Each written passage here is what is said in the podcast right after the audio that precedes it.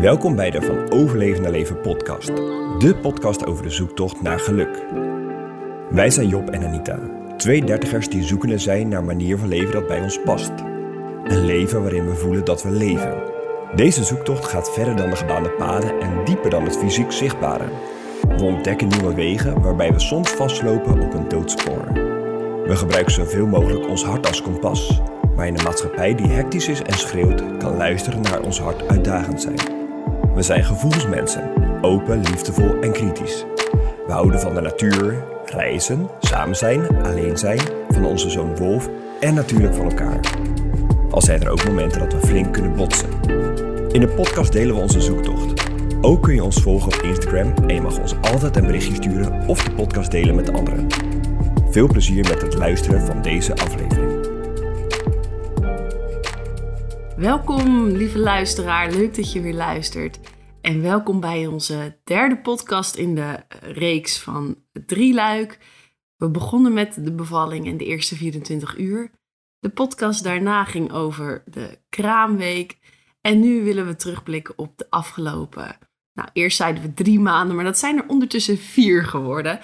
Uh, en gewoonweg omdat het er eerder niet van gekomen is. We, um, ja, het was gewoon erg veel de afgelopen tijd. En we hebben echt vier keer tegen elkaar gezegd: Oh, we willen zo graag weer een podcast opnemen. Maar het kwam er niet van, het lukte niet. Um, of omdat we zelf te laag waren in onze energie en gewoon zo moe dat we in de tijd dat Wolf sliep zelf in slaap vielen. Uh, of omdat Wolf niet sliep, of moeilijk sliep, of alweer wakker was. Dus vandaar dat het wat langer op zich heeft laten wachten. En um, we gaan zo terugblikken naar de periode van af de kraamweek, waarin we gewoon heel open en eerlijk willen delen hoe we de tijd hebben ervaren. Niet mooier dan dat het was, ook niet slechter dan dat het was, of meer poespas. Gewoon het echte verhaal vanuit onze waarheid, vanuit hoe wij het hebben ervaren. Voordat we teruggaan in de tijd, vind ik het toch leuk om even de afgelopen 24 uur te schetsen. Omdat ik net al zeg, hè, beetje weinig ruimte ervaren. Misschien kunnen we heel kort even daarbij stilstaan, schat. Um, nou, dan als we 24 uur teruggaan, betekent het dat ik gisteren om 1 uur, smiddags, ja. toen was het ook al heel lastig met zijn slaapjes. Uh, is die um, uiteindelijk aan de borst in slaap gevallen en heb ik hem maar een tijd in mijn armen gehouden. Tegen alle regels van alle boeken in. Maar ik dacht, hij moet toch echt even slapen. Nou, zo sliep hij toch drie kwartier in mijn arm. Uh, eind van de middag uh, is mijn moeder met hem gaan wandelen, dan slaapt hij ook. Ja, dan eigenlijk, wat, wat denk ik vooral. Um, je bent dus vanaf het moment. Tijdens het eten was hij eigenlijk heel relaxed. En toen vanaf half zeven werd, hij, werd het gewoon meer drammerig. En zouden we het avondritueel gaan starten. En om het heel kort te houden, van half zeven tot half elf, kwart voor elf, zijn we gewoon bezig geweest om in slaap te krijgen. Eigenlijk is dat wat het was. Ja. En nou ja, hebben we van alles uitgehaald om, om hem maar te laten slapen. Ja, eerst, eerst weer aan de borst in slaap vallen. Nou, toen sliep hij even een half uur, maar dan schrikt hij weer wakker in zijn bedje. We weten dat dat eigenlijk niet het goede is. Nou, daarna heel veel huilen. Ook weer heel hard. Dat jij op een gegeven moment zei: Ik ga maar wandelen. Ja, nou toen had ik mijn kleren aangetrokken, chillpak uit en gewoon warme kleren aan, want het is koud natuurlijk nu. En toen uh, stond ik met mijn kleren aan en we hadden een flesje klaargemaakt, want we dachten ook, nou misschien heeft hij nog wel honger. En toen zat jij met hem in, je, in jouw armen. En toen zei je, nou, misschien is het dan helemaal niet meer nodig dat je gaat wandelen. Geef dat flesje maar en ik ga wel kijken. Want hij was net weer even rustig. Ja. Nou, en toen uh, wilde hij het flesje wel. Dat hadden we al een paar keer geprobeerd, maar hij wilde het niet. en toen ging hij dus uh, drinken en dacht ik, nou, oké, okay, dan uh, kan ik weer mijn chillpak aan, andere kleren weer uit. En dan ga ik ernaast zitten. Maar ja, toen had hij een paar slokken gedronken en toen was het toch weer gewoon hard huilen en drammerig zijn. Helemaal klaar. Overstrekken. Oh, alsof hij ook helemaal last heeft van, van alles. Ja. Dus uiteindelijk Jij ja, ben ik toch maar weer gaan lopen. Dus toch maar weer, weer mijn warme pak aan. En, Tot kwart uh, voor elf of zo. Ja. Oh, ja. en toen sliep hij wel. Ja. Toen- Nou, eerst was hij dan, dan zit hij in de kinderwagen of ligt hij in de kinderwagen. En eerst was hij nog heel even aan het huilen. Daarna was het een tijdje stil. En daarna was het gewoon brabbelen en geluidjes maken. Dat ik dacht, nou, het lijkt wel alsof hij gewoon echt niet moe is. Hoe kan dat nou? En gelukkig was hij na een tijdje toch in slaap gevallen. Oh, ja. Ja, dus kwart voor elf ongeveer. Toen hebben we hem nog die nachtvoeding, of die avondvoeding afgegeven in zijn bedje. En toen, dan is het wel, oh, thank God. Heeft hij dus van, nou, wij lagen om elf uur. En eh, om half zes kwam die pas voor de, voor de nachtvoeding. En gelukkig ging ook die weer wat soepeler dan de twee nachten daarvoor. Dat we toch wel uren bezig waren geweest. Dat was nu een half uur. Sliep hij weer even door, konden we tot kwart voor acht nog slapen. Ja, dan ben je gelukkig weer, dat heb je dan zo hard nodig, hè? En ik was ook heel blij dat het mezelf ook lukte om te slapen, want dat is dan ook altijd nog maar de vraag. Maar dan laat je toch weer even op en dat, er zijn dus ook nachten dat dat niet lukt.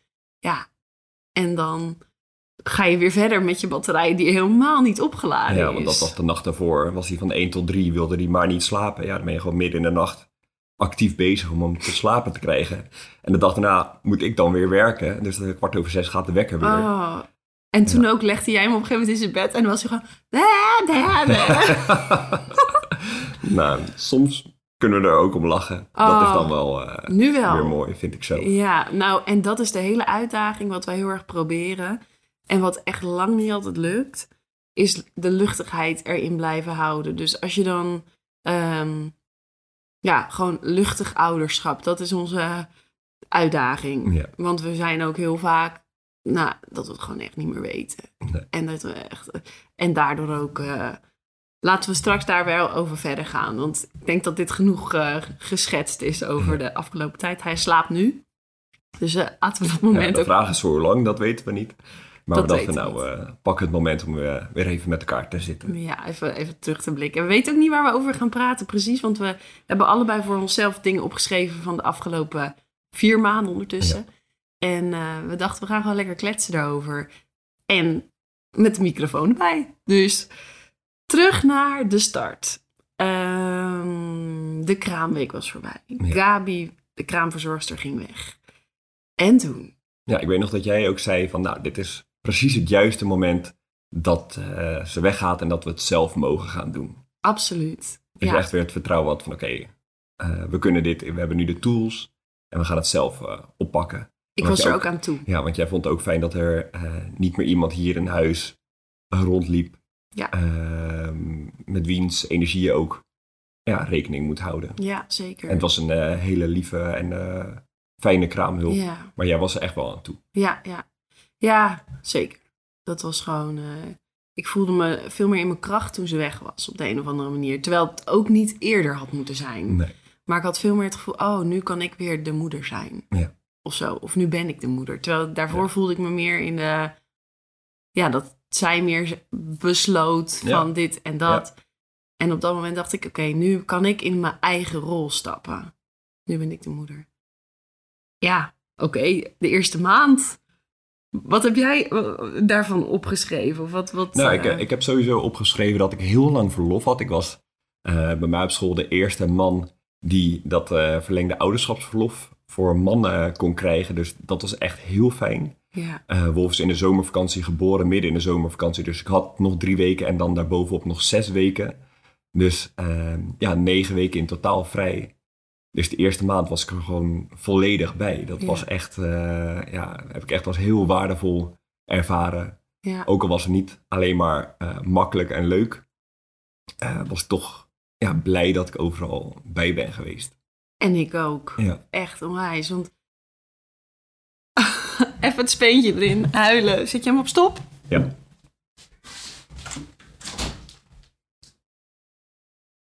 En Zo. Eh, het speentje was eruit. En eh, hij kwam denk ik in zijn volgende slaapfase. Dus eh 45 minuten voorbij. Ik heb hem heel kort erin. Toen viel hij er weer uit. Maar het leek genoeg. Dus ik heb even bijgestaan. Het lijkt erop dat hij erin is. Dus als, als hij weer komt, het speentje ligt boven zijn hoofd. Want deze, deze heeft geen eh, glow in the dark. Dus eh, nou goed. We gaan weer verder. Maar ik weet niet... nou, ik denk dat hij in de volgende slaapcyclus is. we zien het wel. We zien het wel. Nou, goed. Ik had dus heel lang verlof. Dat was waar we het over hadden. Oh, dat ja. ik lang vrij was. De eerste periode, de eerste maand gewoon ja, volledig erbij was.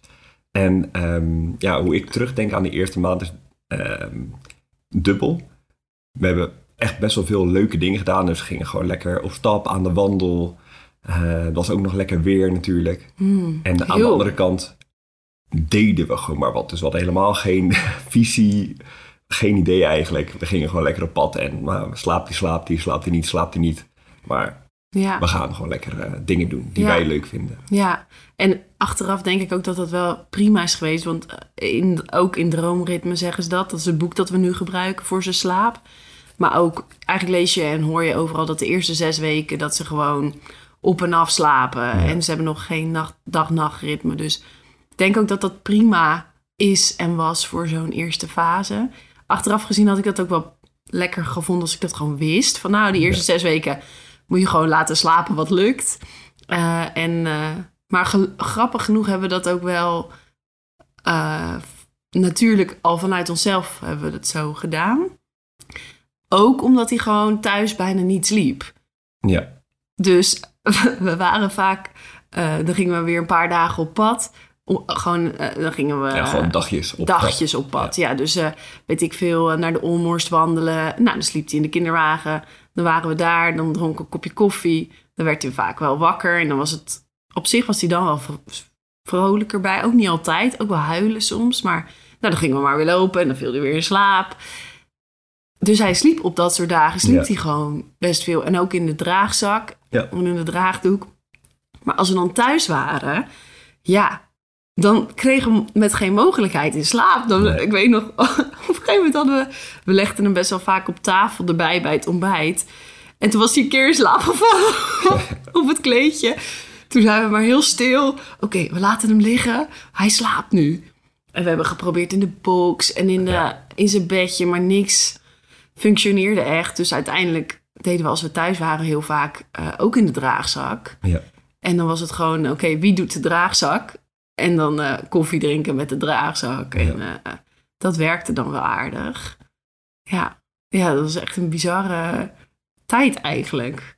Heel leuk, maar ook, Ja. ja, ik vind het moeilijk alweer om op te halen eigenlijk. Nou, wat ik, het beeld wat ik nog eh, vaak voor me zie is dat we hadden, eh, ja, we hebben van die campingstoelen en dan hadden we één zo'n campingstoel hadden we binnen gezet, een soort luxe campingstoel. En elke avond ging dan ons, één van ons twee met Wolf zitten. Nou, wie neemt Wolf? Oké, jij neemt hem of ik neem hem. Ja, En dan inderdaad eh, in die draagzak of draagdoek. En dan ja, maar zitten op die stoel en hopen dat hij in slaap valt. En dan werkt het ook heel vaak niet. Dus dan was het maar weer Mm. lopen door huis heen en weer om te zorgen dat hij misschien zou gaan slapen. En dan sliep hij en dan ging hij weer zitten en dan werd hij weer wakker. Dus ja. we waren er eigenlijk intensief. gewoon continu mee bezig. continu mee bezig. Eigenlijk was er, ik weet nog heel goed dat we op een gegeven moment hadden we het bed verschoond, ons eigen bed. En dat dekbed is zo'n groot ding, dat nou, is gewoon in je eentje niet echt handig om te doen. Dus dan doen we dat altijd even samen, dat dekbed weer erin. In die, eh, nou. En dat we niet eens, dat het gewoon niet was gelukt, omdat Wolf continu met een van ons, ehm, dat, dat niemand zijn handen vrij had. Nee. En dat hij alleen of kon slapen bij ons. Nou, met zo'n draagzak een bed opmaken is lastig. Ja. Ehm, en wat ook was, hij moest zoveel, zo hard huilen als hij dan wakker was. Dat we continu was een van ons in, in Ja, charge. ja. ja. En dat was ook uiteindelijk dat koken. Dat hadden we de vorige keer al verteld dat we de eerste week eh, kookhulp hadden. En mijn moeder heeft dat nog wat langer doorgezet. eh, de eerste, nou misschien wel bijna drie weken kwam ze gewoon het avondeten wat zij aten, kwam ze ook brengen. En Ook omdat we gewoon niet wisten hoe we dat dan Nee. nog moesten doen of zo. Nee. Dat, nee, en het is ook wel goed om erbij te zeggen dat, ehm, dat hij ook veel last had van ongemak. Dus had Oh ja. veel last van eh, krampjes, van buikkrampjes. Ook veel last van, nou, wij dachten dan verborgen reflux. Als we gingen, eh, op internet wat dingen gingen opzoeken. Dus hij had gewoon echt veel ongemak. En dat zorgt er ook voor dat hij moeilijk in slaap viel. ja, Behalve als we aan het wandelen waren. ja, dat is ook zo. Want elke keer na de voeding, op een gegeven moment, dat was na vijf, zes weken, eh, hadden we dat ontdekt van nou, waarschijnlijk is het verborgen reflux.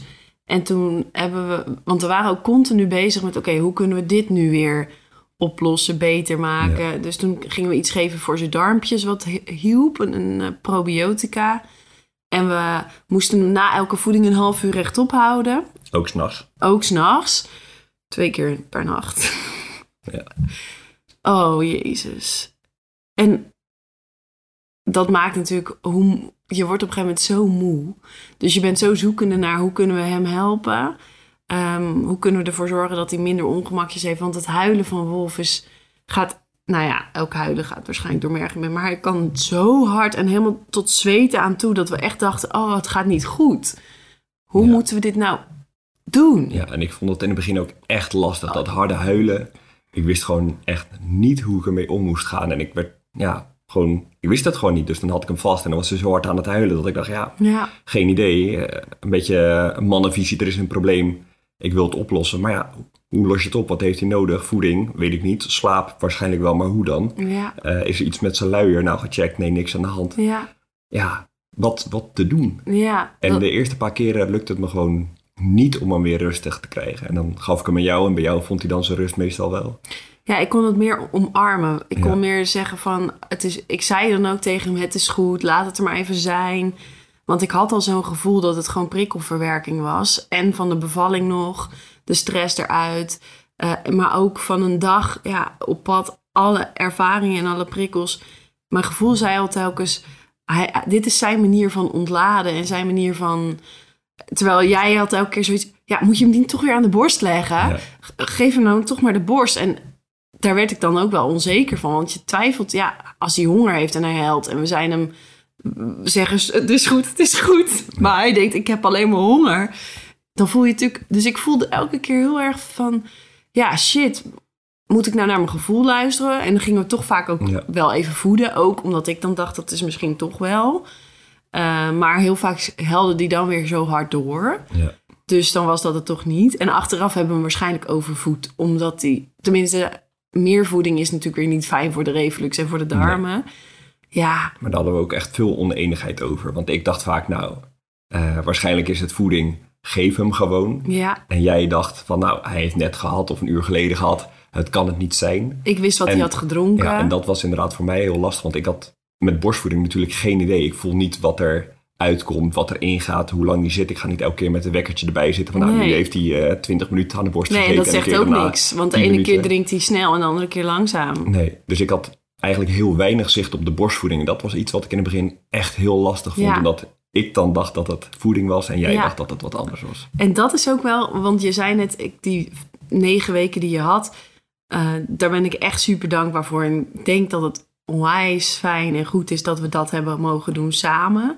Omdat ik ook gewoon niet weet hoe ik het alleen had moeten doen. En aan de andere kant maakte het ook wel dat we het zo samen deden. Dat, wat ik net zei, de kraamhulp is weg, mijn moedergevoel is er. Dat dat soms toch weer minder was. Omdat jij dan, ja, maar is het niet voeding? Terwijl ik eigenlijk van binnen wist, het is het niet. Maar op dat moment dacht ik, oké, ja, shit. Dan ging mijn denken het overnemen. En, en dan, ehm, nou ja, hadden we daar echt wel oneenigheid over. Ja, en dat was voor mij ook lastig, want jij was op zoek naar je moedergevoel. En ehm, ik had zelf zoiets, je was eh, in je emoties nog behoorlijk onstabiel. ja. Dus ik dacht, oké, misschien moet er gewoon met ratio gekeken worden en besloten worden wat er nodig is en wat er moet gebeuren. En daar, ja, we botsten gewoon ook echt wel eh, vaker Absoluut. dan eh, normaal Zo. in die periode. Dus we hebben echt wel, echt Nou. wel flinke oneenigheid en meningsverschillen Ja. in die tijd met elkaar gehad. Ja, het was ook dat ging er heel erg eh, twee uitersten. Want tijdens de wandelingen hadden we ineens weer heel veel tijd om met elkaar te praten. Dus we gingen zo'n dag naar de duinen. En dan sliep hij in de wagen en dan konden wij lekker... Nou, dan gewoon samen tijd. Hoor ik hem? Nee, Oh nee, het is een vogel. Sorry. Ja, zo gaat het dan dus. Meeuw. Maar dan hadden we veel tijd om, om te kletsen. En dan hadden we het over praktische dingen, maar ook gewoon over dingen die we, eh, waar we over wilden praten gewoon. Dus dan waren we weer echt dat team en dat gevoel van, oh leuk dit met z'n drietjes. En dan kon ik op zo'n dag ook echt heel veel warmte voelen en, en nou, gewoon lekker veel aan het bewegen. En, en het voelde heel goed. Maar op andere dagen en momenten, dat kon ook gewoon dat dat 's middags was en dat we s'avonds weer echt, eh, Ja, mot hadden. Ja. ja. En, Ja, er was één moment dat ik echt er echt klaar mee was. Klaar met de situatie. Gewoon dat ik het echt even niet meer trok. En Dat, Dat was was een moment, ja, ik weet niet meer exact wat vier het was. weken of Ja, zo. zoiets. En toen eh, reed ik weg met de bus, met de camperbus. Ja, je was echt we- boos ja, weggegaan. echt, echt gewoon helemaal klaar ermee. Dat doen we eigenlijk nooit, weggaan in boosheid. Nee. Dat is in het verleden misschien Nou, twee keer gebeurd in acht jaar. Misschien Ja. drie. Maar nu? ja, ik was gewoon echt klaar en boos. en ehm, nou, ik weet niet exact meer wat de aanleiding was, maar het was gewoon een opeenstapeling van momenten. En ehm, jij was op zo op zoek naar je moedergevoel en ik voelde me gewoon niet gehoord. In, ik weet niet meer exact wat het was, maar dat was in ieder geval wat uh, overheerste. En toen dacht ik, nou, ik ga gewoon eh, rijden. Ik maak niet uit waarheen. En toen was ik aan het rijden en toen dacht ik, misschien ga ik wel naar eh, de Hoge Veluwe of zo. Ga ik gewoon, ik ben toch met de camperbus weg. Blijf ik gewoon een nacht weg. Ja. En toen later dacht ik, nou, dat schiet natuurlijk ook helemaal niet op. Want dan, ehm, ja, het belangrijkste is Wolf in die Mm. periode. En dan ben ik er Mm. niet voor hem. Dus heel snel dacht ik ook van, nou, dat is geen goed idee.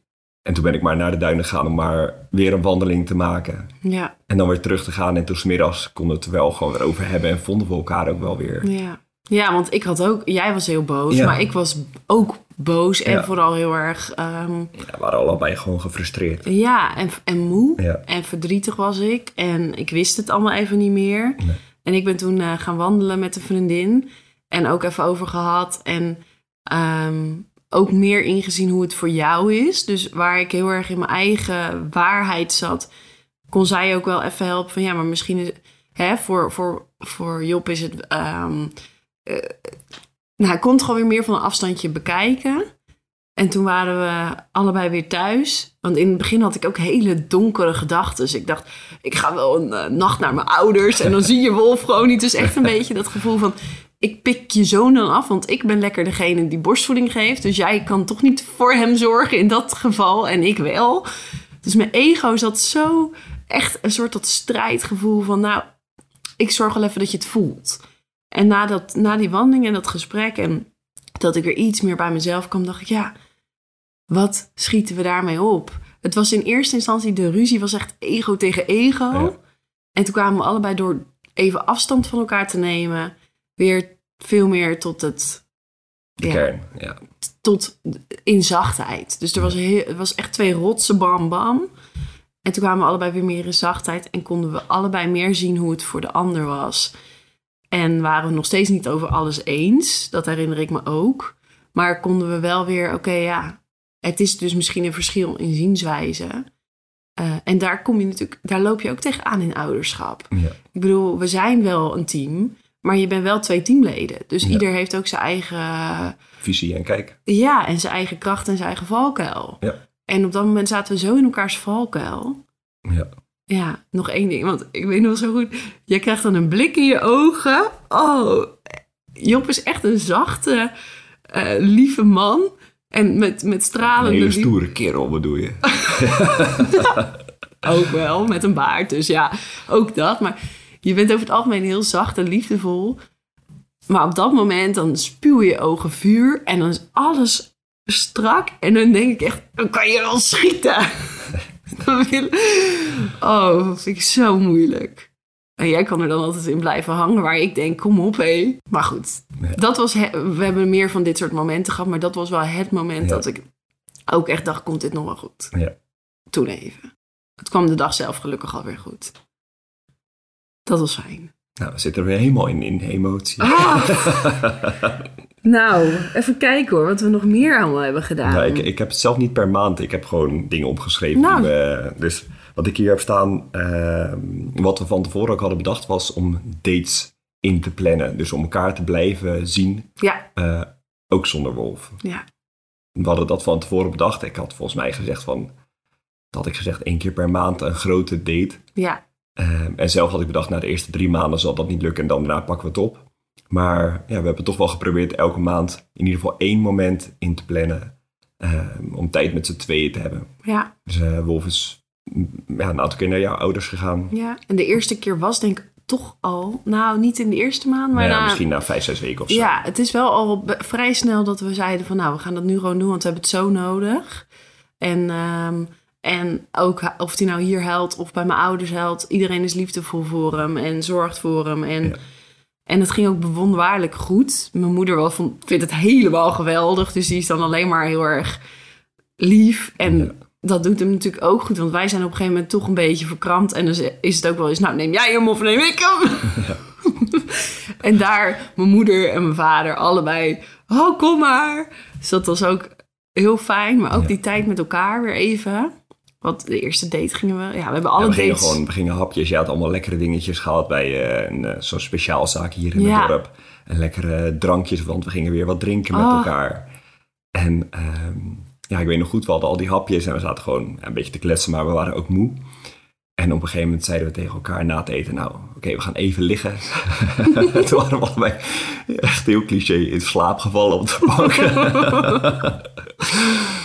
Ja, maar zo eindigt volgens mij elke date tot nu toe. ja, Want we hebben nu eh, een paar, we hebben het al, we doen zeg maar dit soort dates. We hadden bedacht één grote per maand, maar eigenlijk het liefst een uitdate. Dus een kroegje, een, eh, we gaan graag naar een biercafé in Haarlem of naar Klein Duimpje in Hillegom, biertjes drinken of zoiets. Nou, dat kan nu niet omdat alles weer op slot zit. Dus hebben we onze dates tot nu toe elke keer s'avonds met gewoon lekker samen eten. Maar voor mij mag dat het liefst wel elke week of elke twee weken gewoon een soort kleine date. En dan een grotere, dus echt een uitje met z'n tweeën. Of een keer een nachtje weg. Lijkt me ook echt Ja. heel fijn. Dat kan nu nog niet vanwege de nachtvoeding. Maar dat dat, ja, dat lijkt me heel fijn. Nou, maar in ieder geval denk ik ehm, een goede tip voor als je samen ouder wordt of misschien al in Ja. je gezin bent. Dates inplannen is echt belangrijk om elkaar te blijven zien. Ja, Ook als je moe bent of als je het een tijdje niet met elkaar eens bent. ja. Eh, gewoon even tijd met z'n tweeën. ja, ook om het niet over praktische dingen te hebben. Nee. Want dat merkten we ook, nu nog steeds. De gesprekken gaan zo vaak over slaapjes. Ja, want dat, dat is dan ook mijn volgende punt, die slaapritmes. Na zes weken gingen we echt beginnen met een soort slaapritme. Ja, Ja, dat is ook echt nou, nog Laten we het daar zo even over hebben. Laten we, want eh, om deze even af te ronden, hoe belangrijk het is om die dates te hebben. Om, volgens mij hebben we ook tegen elkaar gezegd: het maakt niet uit waar we het over hebben of dat we stil zijn, maar we gaan het niet over slaap hebben. We gaan het Nee. niet over. eh, even niet over wolf, of tenminste, het is Ja, geen wel, verboden onderwerp, maar- zeggen we dan. Maar gewoon even weer met elkaar zijn. En ik weet ook nog dat de eerste keer dat ik daar toch wel... dat we dan een beetje verkrampt ook zo tegenover elkaar zaten... om het weer leuk met elkaar te hebben. Dat ik dacht, oh ja, oh, ik vond het echt een beetje spannend. Ja, ik vond het ook spannend. Grappig, hè? Ja, alsof het wel weer... Het moest wel leuk zijn. En Ja, want er lag ook best wel een beetje druk natuurlijk op van... nou oké, we hebben weer een date, we moeten wel zorgen dat het gezellig is. ja, ja. En ik weet het nog goed, we hadden gewoon alle babyspulletjes in huis even weggelegd en aan de kant. En ze wordt alles opgeruimd dat er even geen, geen babyspul. ja. En we hadden allebei zelfs iets leuks aangetrokken. Ja. Want normaal zitten we gewoon in ons chillpak. Maar we hadden gezegd, oké, onderkant chillpak, bovenkant we iets leuks.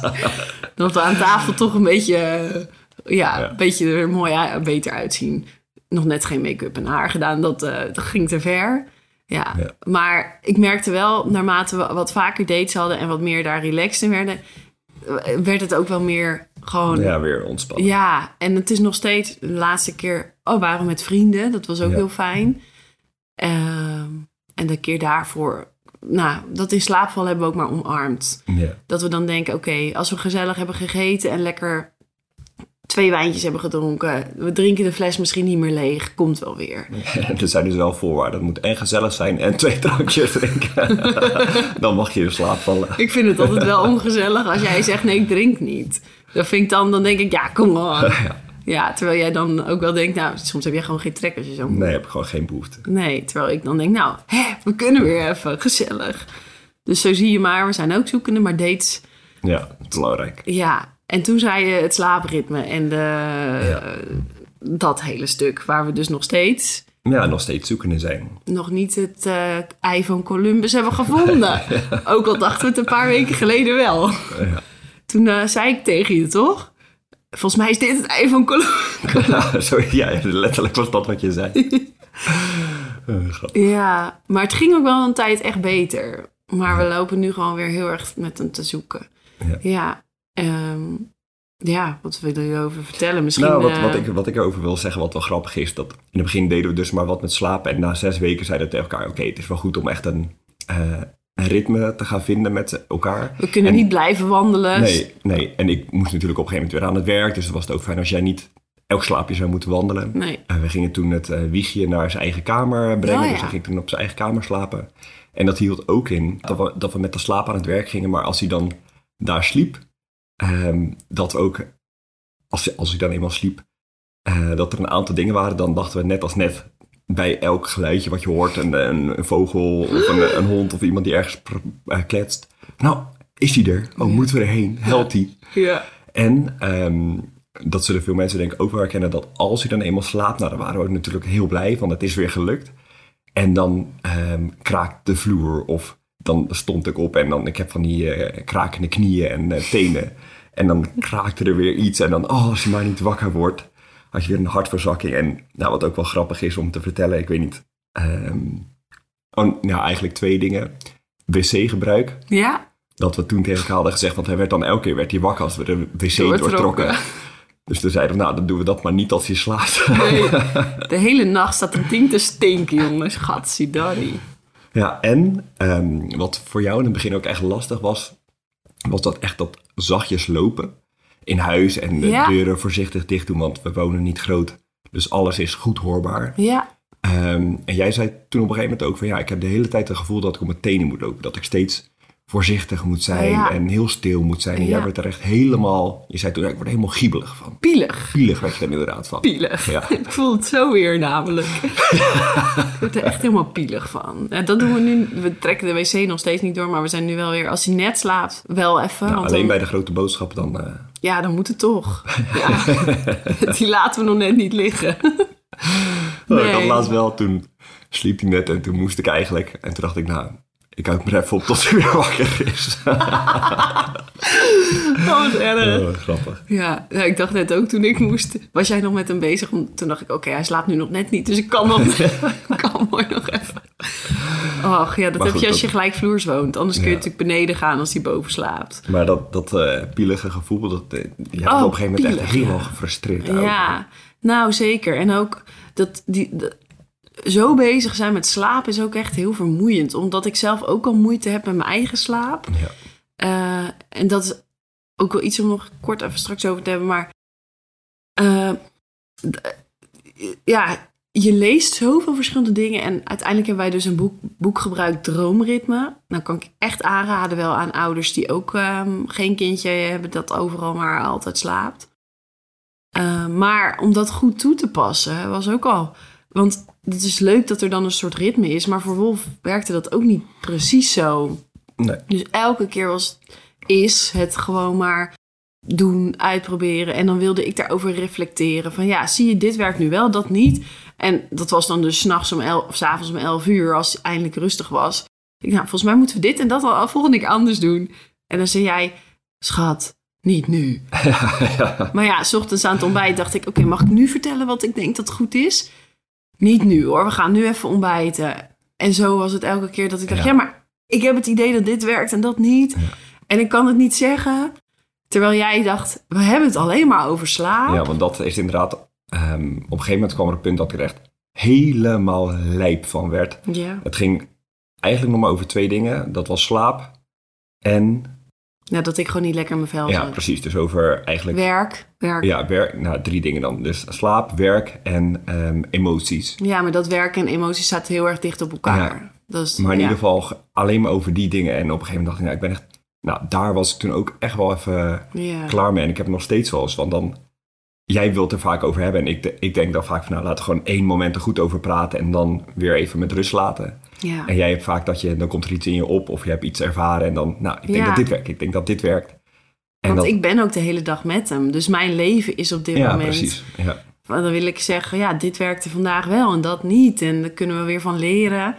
Waar jij dan denkt, ja, jezus, ik kom net uit mijn werk. eh, ga nou niet toch nu al gelijk weer over zijn slaap. Ja, en soms was het dan inderdaad... En dan ging het er s'avonds laat nog over, dus vlak voor het slapen. Dan s'nachts kwam die en dan ging het er ook wel s'nachts over van... Nou, moeten we voeden of moeten we niet voeden? Ja, Ehm, of we gingen wel voeden en het werkte niet. ja. En dan 's ochtends ook weer gelijk. En dan dacht ik, oh man, dan kan het niet ergens anders over gaan. Mm.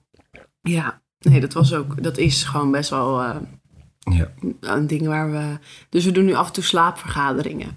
Dan zeggen we, oké, we pakken nu echt een moment om een slaapvergadering te houden. Wat ging goed in de afgelopen week, wat niet. Ja. En wat gaan we nu weer proberen om, eh, ja, ik moet zeggen, als ik dit allemaal zo vertel, denk ik ook wel. Wat ik soms wel eens lastig vind, is als je in je omgeving kijkt en hoort.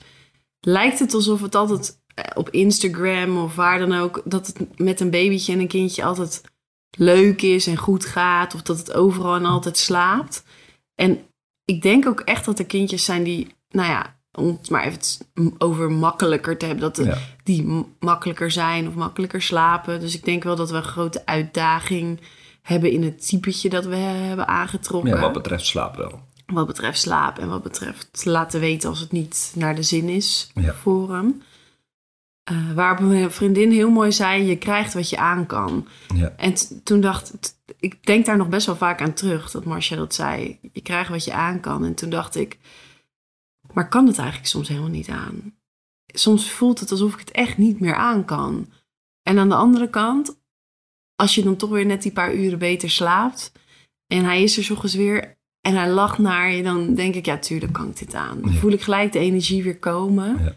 Het is bizar dat je echt moe kan zijn, maar ook echt weer kan opladen om eh, met hem samen te zijn. Ja, ja, ik vond het vanochtend zo leuk. We lagen in bed en hij wordt best vaak huilend wakker. Maar nu was het...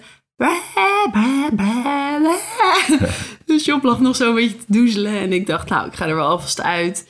En, en dan kom ik naar hem toe.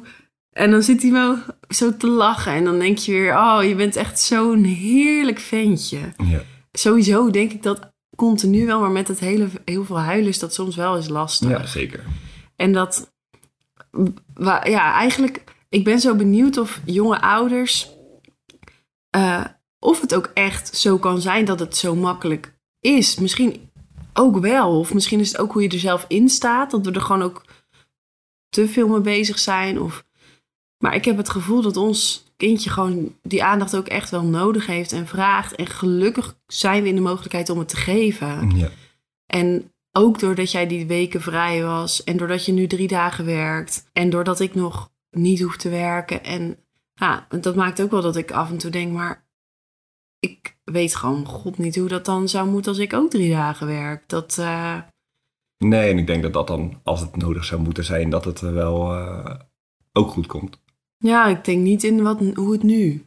Ik zou nu nog echt niet voor Nee, me ik denk dat het je zal verbazen eh, wat kan en wat Ja. wel werkt. Ja, maar wat ik dan, dan ga je dus over dingen heen. Snap je wat ik bedoel? Ja, ik snap wel wat je Dus bedoelt. dat is wel waar ik nu heel erg naar probeer te luisteren. Van oké, mijn lijf geeft dingen aan. Het voelt... ehm, ja, mijn lijf geeft dingen aan wat betreft werk. Ga ik daar dan weer overheen? Ga ik dan weer... Ja, maar even, even los daarvan, maar gewoon überhaupt drie dagen werken. Want da- Ja. dat was waar je het over had. ja, ja, maar als je... eh, ja, dat, ik denk dat ook wel hoor. Zeker dan Dat ben is je iets... meer loslaten en dat Hmm. kan ook heel goed uitpakken. Ja, ja, ja. Maar dan is het dus zaak dat je wel werk doet waar je... Nou ja, enigszins van oplaat. Of Ja, of energie-neutraal. Ja, waar je in ieder geval. Want nu denk ik, ja, maar als je dan dus zo'n dag hebt en alles wat je eerst had, waar je dan al van leeg loopt. En de systemen waar je in vastloopt. En je moet dat dus ook nog doen naast dit. Ja. En met twee uur slaap op een nacht. En met, eh, Ja. met zoveel ehm, emotiewisselingen. ja, zeker. Ik, bedoel, eh, ik wil ook niet eh, huilend in het materiaal op moeten zitten. Nee, dat is eh, niet wenselijk. Maar goed, dat is denk ik een beetje een ander eh, onderwerp. Ja, ga ik het later wel nog eens in een podcast. het, is, het is toch nog in volledige ontwikkeling. Ja. Maar dat is ook iets waar we veel over praten en waar ik vooral heel veel over nadenk. Ja. En dat is misschien wel, als ik naar mezelf kijk, mijn hoofd is gewoon zo vol. Ik heb gewoon zo'n vol hoofd. En dat maakt ook dat ik continu dingen met jou wil delen. Over slaap, over werk. Omdat het gewoon...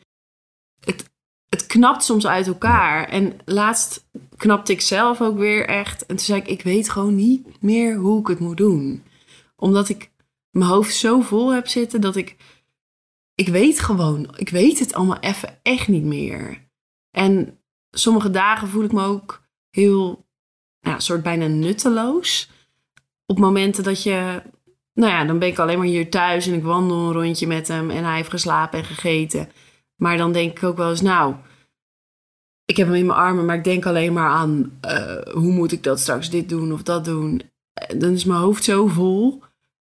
En het gevoel van, ik heb niks gedaan. Ik heb niks bereikt vandaag. Ja, wat in wezen natuurlijk totaal niet waar is. Want je doet gewoon het belangrijkste wat je kunt doen. eh, je kind in leven houden. En er zijn voor. Ja, ja, Maar ik snap wel het gevoel van nutteloosheid. Maar eigenlijk doe je de belangrijkste taak die er in mijn ogen is. ja.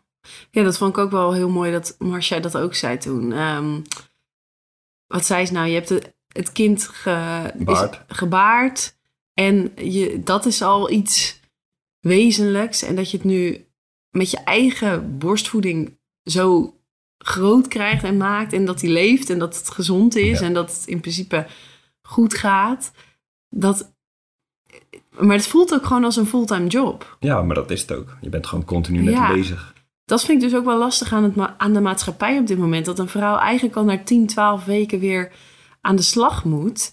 Terwijl ze ook zeggen dat je een half jaar borstvoeding zou moeten geven om optimaal eh, resultaat voor je kindje. En, en we willen heel graag eh, er zijn voor kinderen. Dus we, we kijken ouders aan die vier dagen naar de opvang doen, bij wijze van. Da- Ja. Daar is een oordeel op. Ja. Maar op moeders die niet werken is ook een oordeel. Van de maatschappij. Ja, gewoon even ja. kijkend naar de maatschappij. En, en nou ja, leuk dat je verlof hebt, maar na twaalf weken is, is het gewoon weer tijd om te beginnen. Ga je weer mee.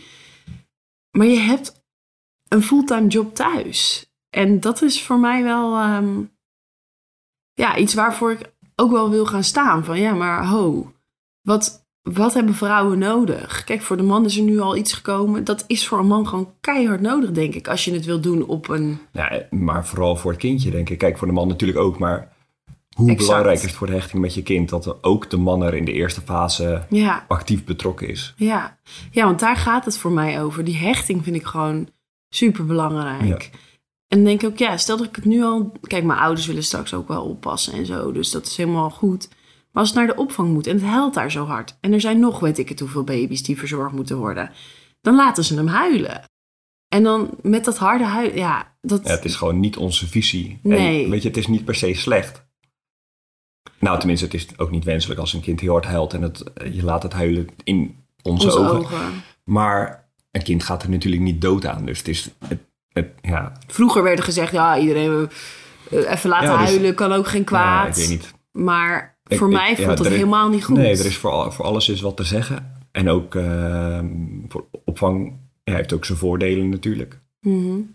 Ja, ik denk dat de voordelen voor de baby er zijn na een jaar. Dus als een kind. Ja, meer het sociale contact Ja, dan denk ik dat het ook heel leuk is als een kindje naar opvang gaat. Dat het dan met wat contact met andere kinderen heeft. En, en gewoon. Maar voor een baby, die heeft er nu echt niks aan als die na vier maanden een dag op de opvang is. Nee, maar ja, Wat niet maakt dat het nee, verkeerd is. want zo klinkt het dan een beetje. Ja, nu, dat is ook zo. Dus ik doe ook mee met oordelen op dit moment. Maar het, ik vind het gewoon ik, lastig. Ja, ik snap wel dat ouders het doen. Of ook dat je zegt, nou een ochtendje, dan heb ik even een ochtendje voor mezelf bijvoorbeeld. Ik snap dat echt heel goed. Ik ook. Ja, zeker. Ja. Maar het is, ik vind dat gewoon een zoektocht waar de Ja. maatschappij vraagt van de vrouw om weer dingen, om het leven weer gewoon op te pakken. En waar je eigenlijk als moeder er gewoon ook in het begin volledig moet of wil of allebei moet en wil zijn voor je kind. Ja, ik vind dat echt wel. Het is bij mij vaak een conflict in mijn hoofd. Ja. En hoe, hoeverre wil ik, wil, wil ik wil, weer voldoen aan, de, aan het plaatje en aan wat hoort. En in hoeverre wil ik eigenlijk gewoon er zijn voor Wolf en gewoon verder even. Ja, want wat ik ook nog had opgeschreven, ik weet niet of het er helemaal mee te maken heeft, maar dat je ook wel last hebt, of last hebt gehad van het slechte moedersyndroom. Och, is maar iets wat ik ja, zelf een eh, woord heb gegeven. dat vind ik wel goeie. Maar eh, dat is ook wel iets wat vaak terugkomt. Dat jij jezelf eh, af en toe een slechte moeder vindt. Ja. En dat gaat dan over dingen waarvan ik denk, nou, wat een onzin dat je dan jezelf een slechte moeder vindt over dat de borstvoeding een keer niet lukt. Of eh, dat je me even eh, laat huilen met iets. Of ja, weet nu niet even een heel concreet voorbeeld. Nou, die ene nacht, twee nachten geleden, dan, dat hij aan de borst ligt in, in bed. En dat, dat hij zo hard moet huilen en dat ik gewoon niet weet wat ik moet. ja. Om hem tot rust te krijgen. ja, en zo En zijn dat er... hij de borst niet aanneemt. En dat ik dan het echt niet meer weet. Ja, of ook bijvoorbeeld als je... je hebt En dan als- voel ik me slecht. Dan denk ik, als moeder moet ik toch weten hoe ik je kan helpen. Ja, en eh, soms heb je dan ehm, met tranen borstvoeding gegeven... en dan vond je jezelf ook weer een slechte moeder. Ja, ja. Ja, ik had het twee, drie dagen geleden ook. Toen was jij aan het werk en toen was hij weer na drie kwartier alweer wakker. En ik was zo toe aan een momentje voor mezelf. En toen zei ik ook gewoon... Toen, nou, een paar keer het speentje erin lukte niet, werkte niet. En toen werd hij wakker en toen heb ik hem er maar uitgenomen en helemaal in mijn armen geknuffeld. Want het is ook zijn schuld niet dat het niet, niet Nee. lukt. Wij, ja, dat kan hij natuurlijk echt helemaal niks aan doen. Maar ik, ik was zo moe en zo toe aan even dat momentje voor mezelf dat ik brak en echt snikkend hem in mijn armen. En ik zei: Maar mama wil gewoon ook even rust. En ik weet dat je er niks aan kan doen. En kom maar lekker erbij. Maar ik voel me gewoon zo moe, zei ik toen. Ja. En dat, dan laat ik het ook maar wel zien. Want ja, ik kan wel doen, hè? Maar Ja. dat, Ja, en ik, ik denk dat er wel ehm, meer... Ik denk dat er meer moeders zijn die dat hebben dan, eh, dan Ja. vaders... die zichzelf een slechte moeder vinden. ja. om- en eh, Hoe in mijn je het ogen nou? Het slechte moedersyndroom. Oh, een mooie podcastnaam. Daar gaan we het ook nog wel een keer uh, Uitgebreid over hebben. op ik persoonlijk. Ja, nee. Ja, ik denk dat het misschien ook wel goed is om hem nu een beetje af te ronden. Want we zijn al wel weer even onderweg. Oeh ja, het is wel een hele lange Nou, ik heb podcast. nog eh, hartstikke veel punten opgeschreven. oh, nou, noem nog eens wat dan. Hebben we jouw punt al? eh? ja, wel zo'n beetje hoor. Nou, Project Ernest heb ik hier nog staan. Dat is een goeie. Maar wat dat is, dat horen jullie in de volgende podcast. Een cliffhanger. En zo wordt deze trilogie een vierdelige. Dat is toch ook best bijzonder. Eh, daarnaast zal je in de volgende podcast ook eh, nog tips voor toekomstige ouders horen. Eh, wijze tips van Job. Al zeg ik het nou niet zelf, maar je had mooie tips. Die je in de volgende podcast ook zal horen. Ja, dus zorg dat je ook volgende week weer naar ons luistert. Zeker. Nou, bedankt voor het luisteren. En leuk dat je weer geluisterd hebt. Je mag de podcast altijd delen.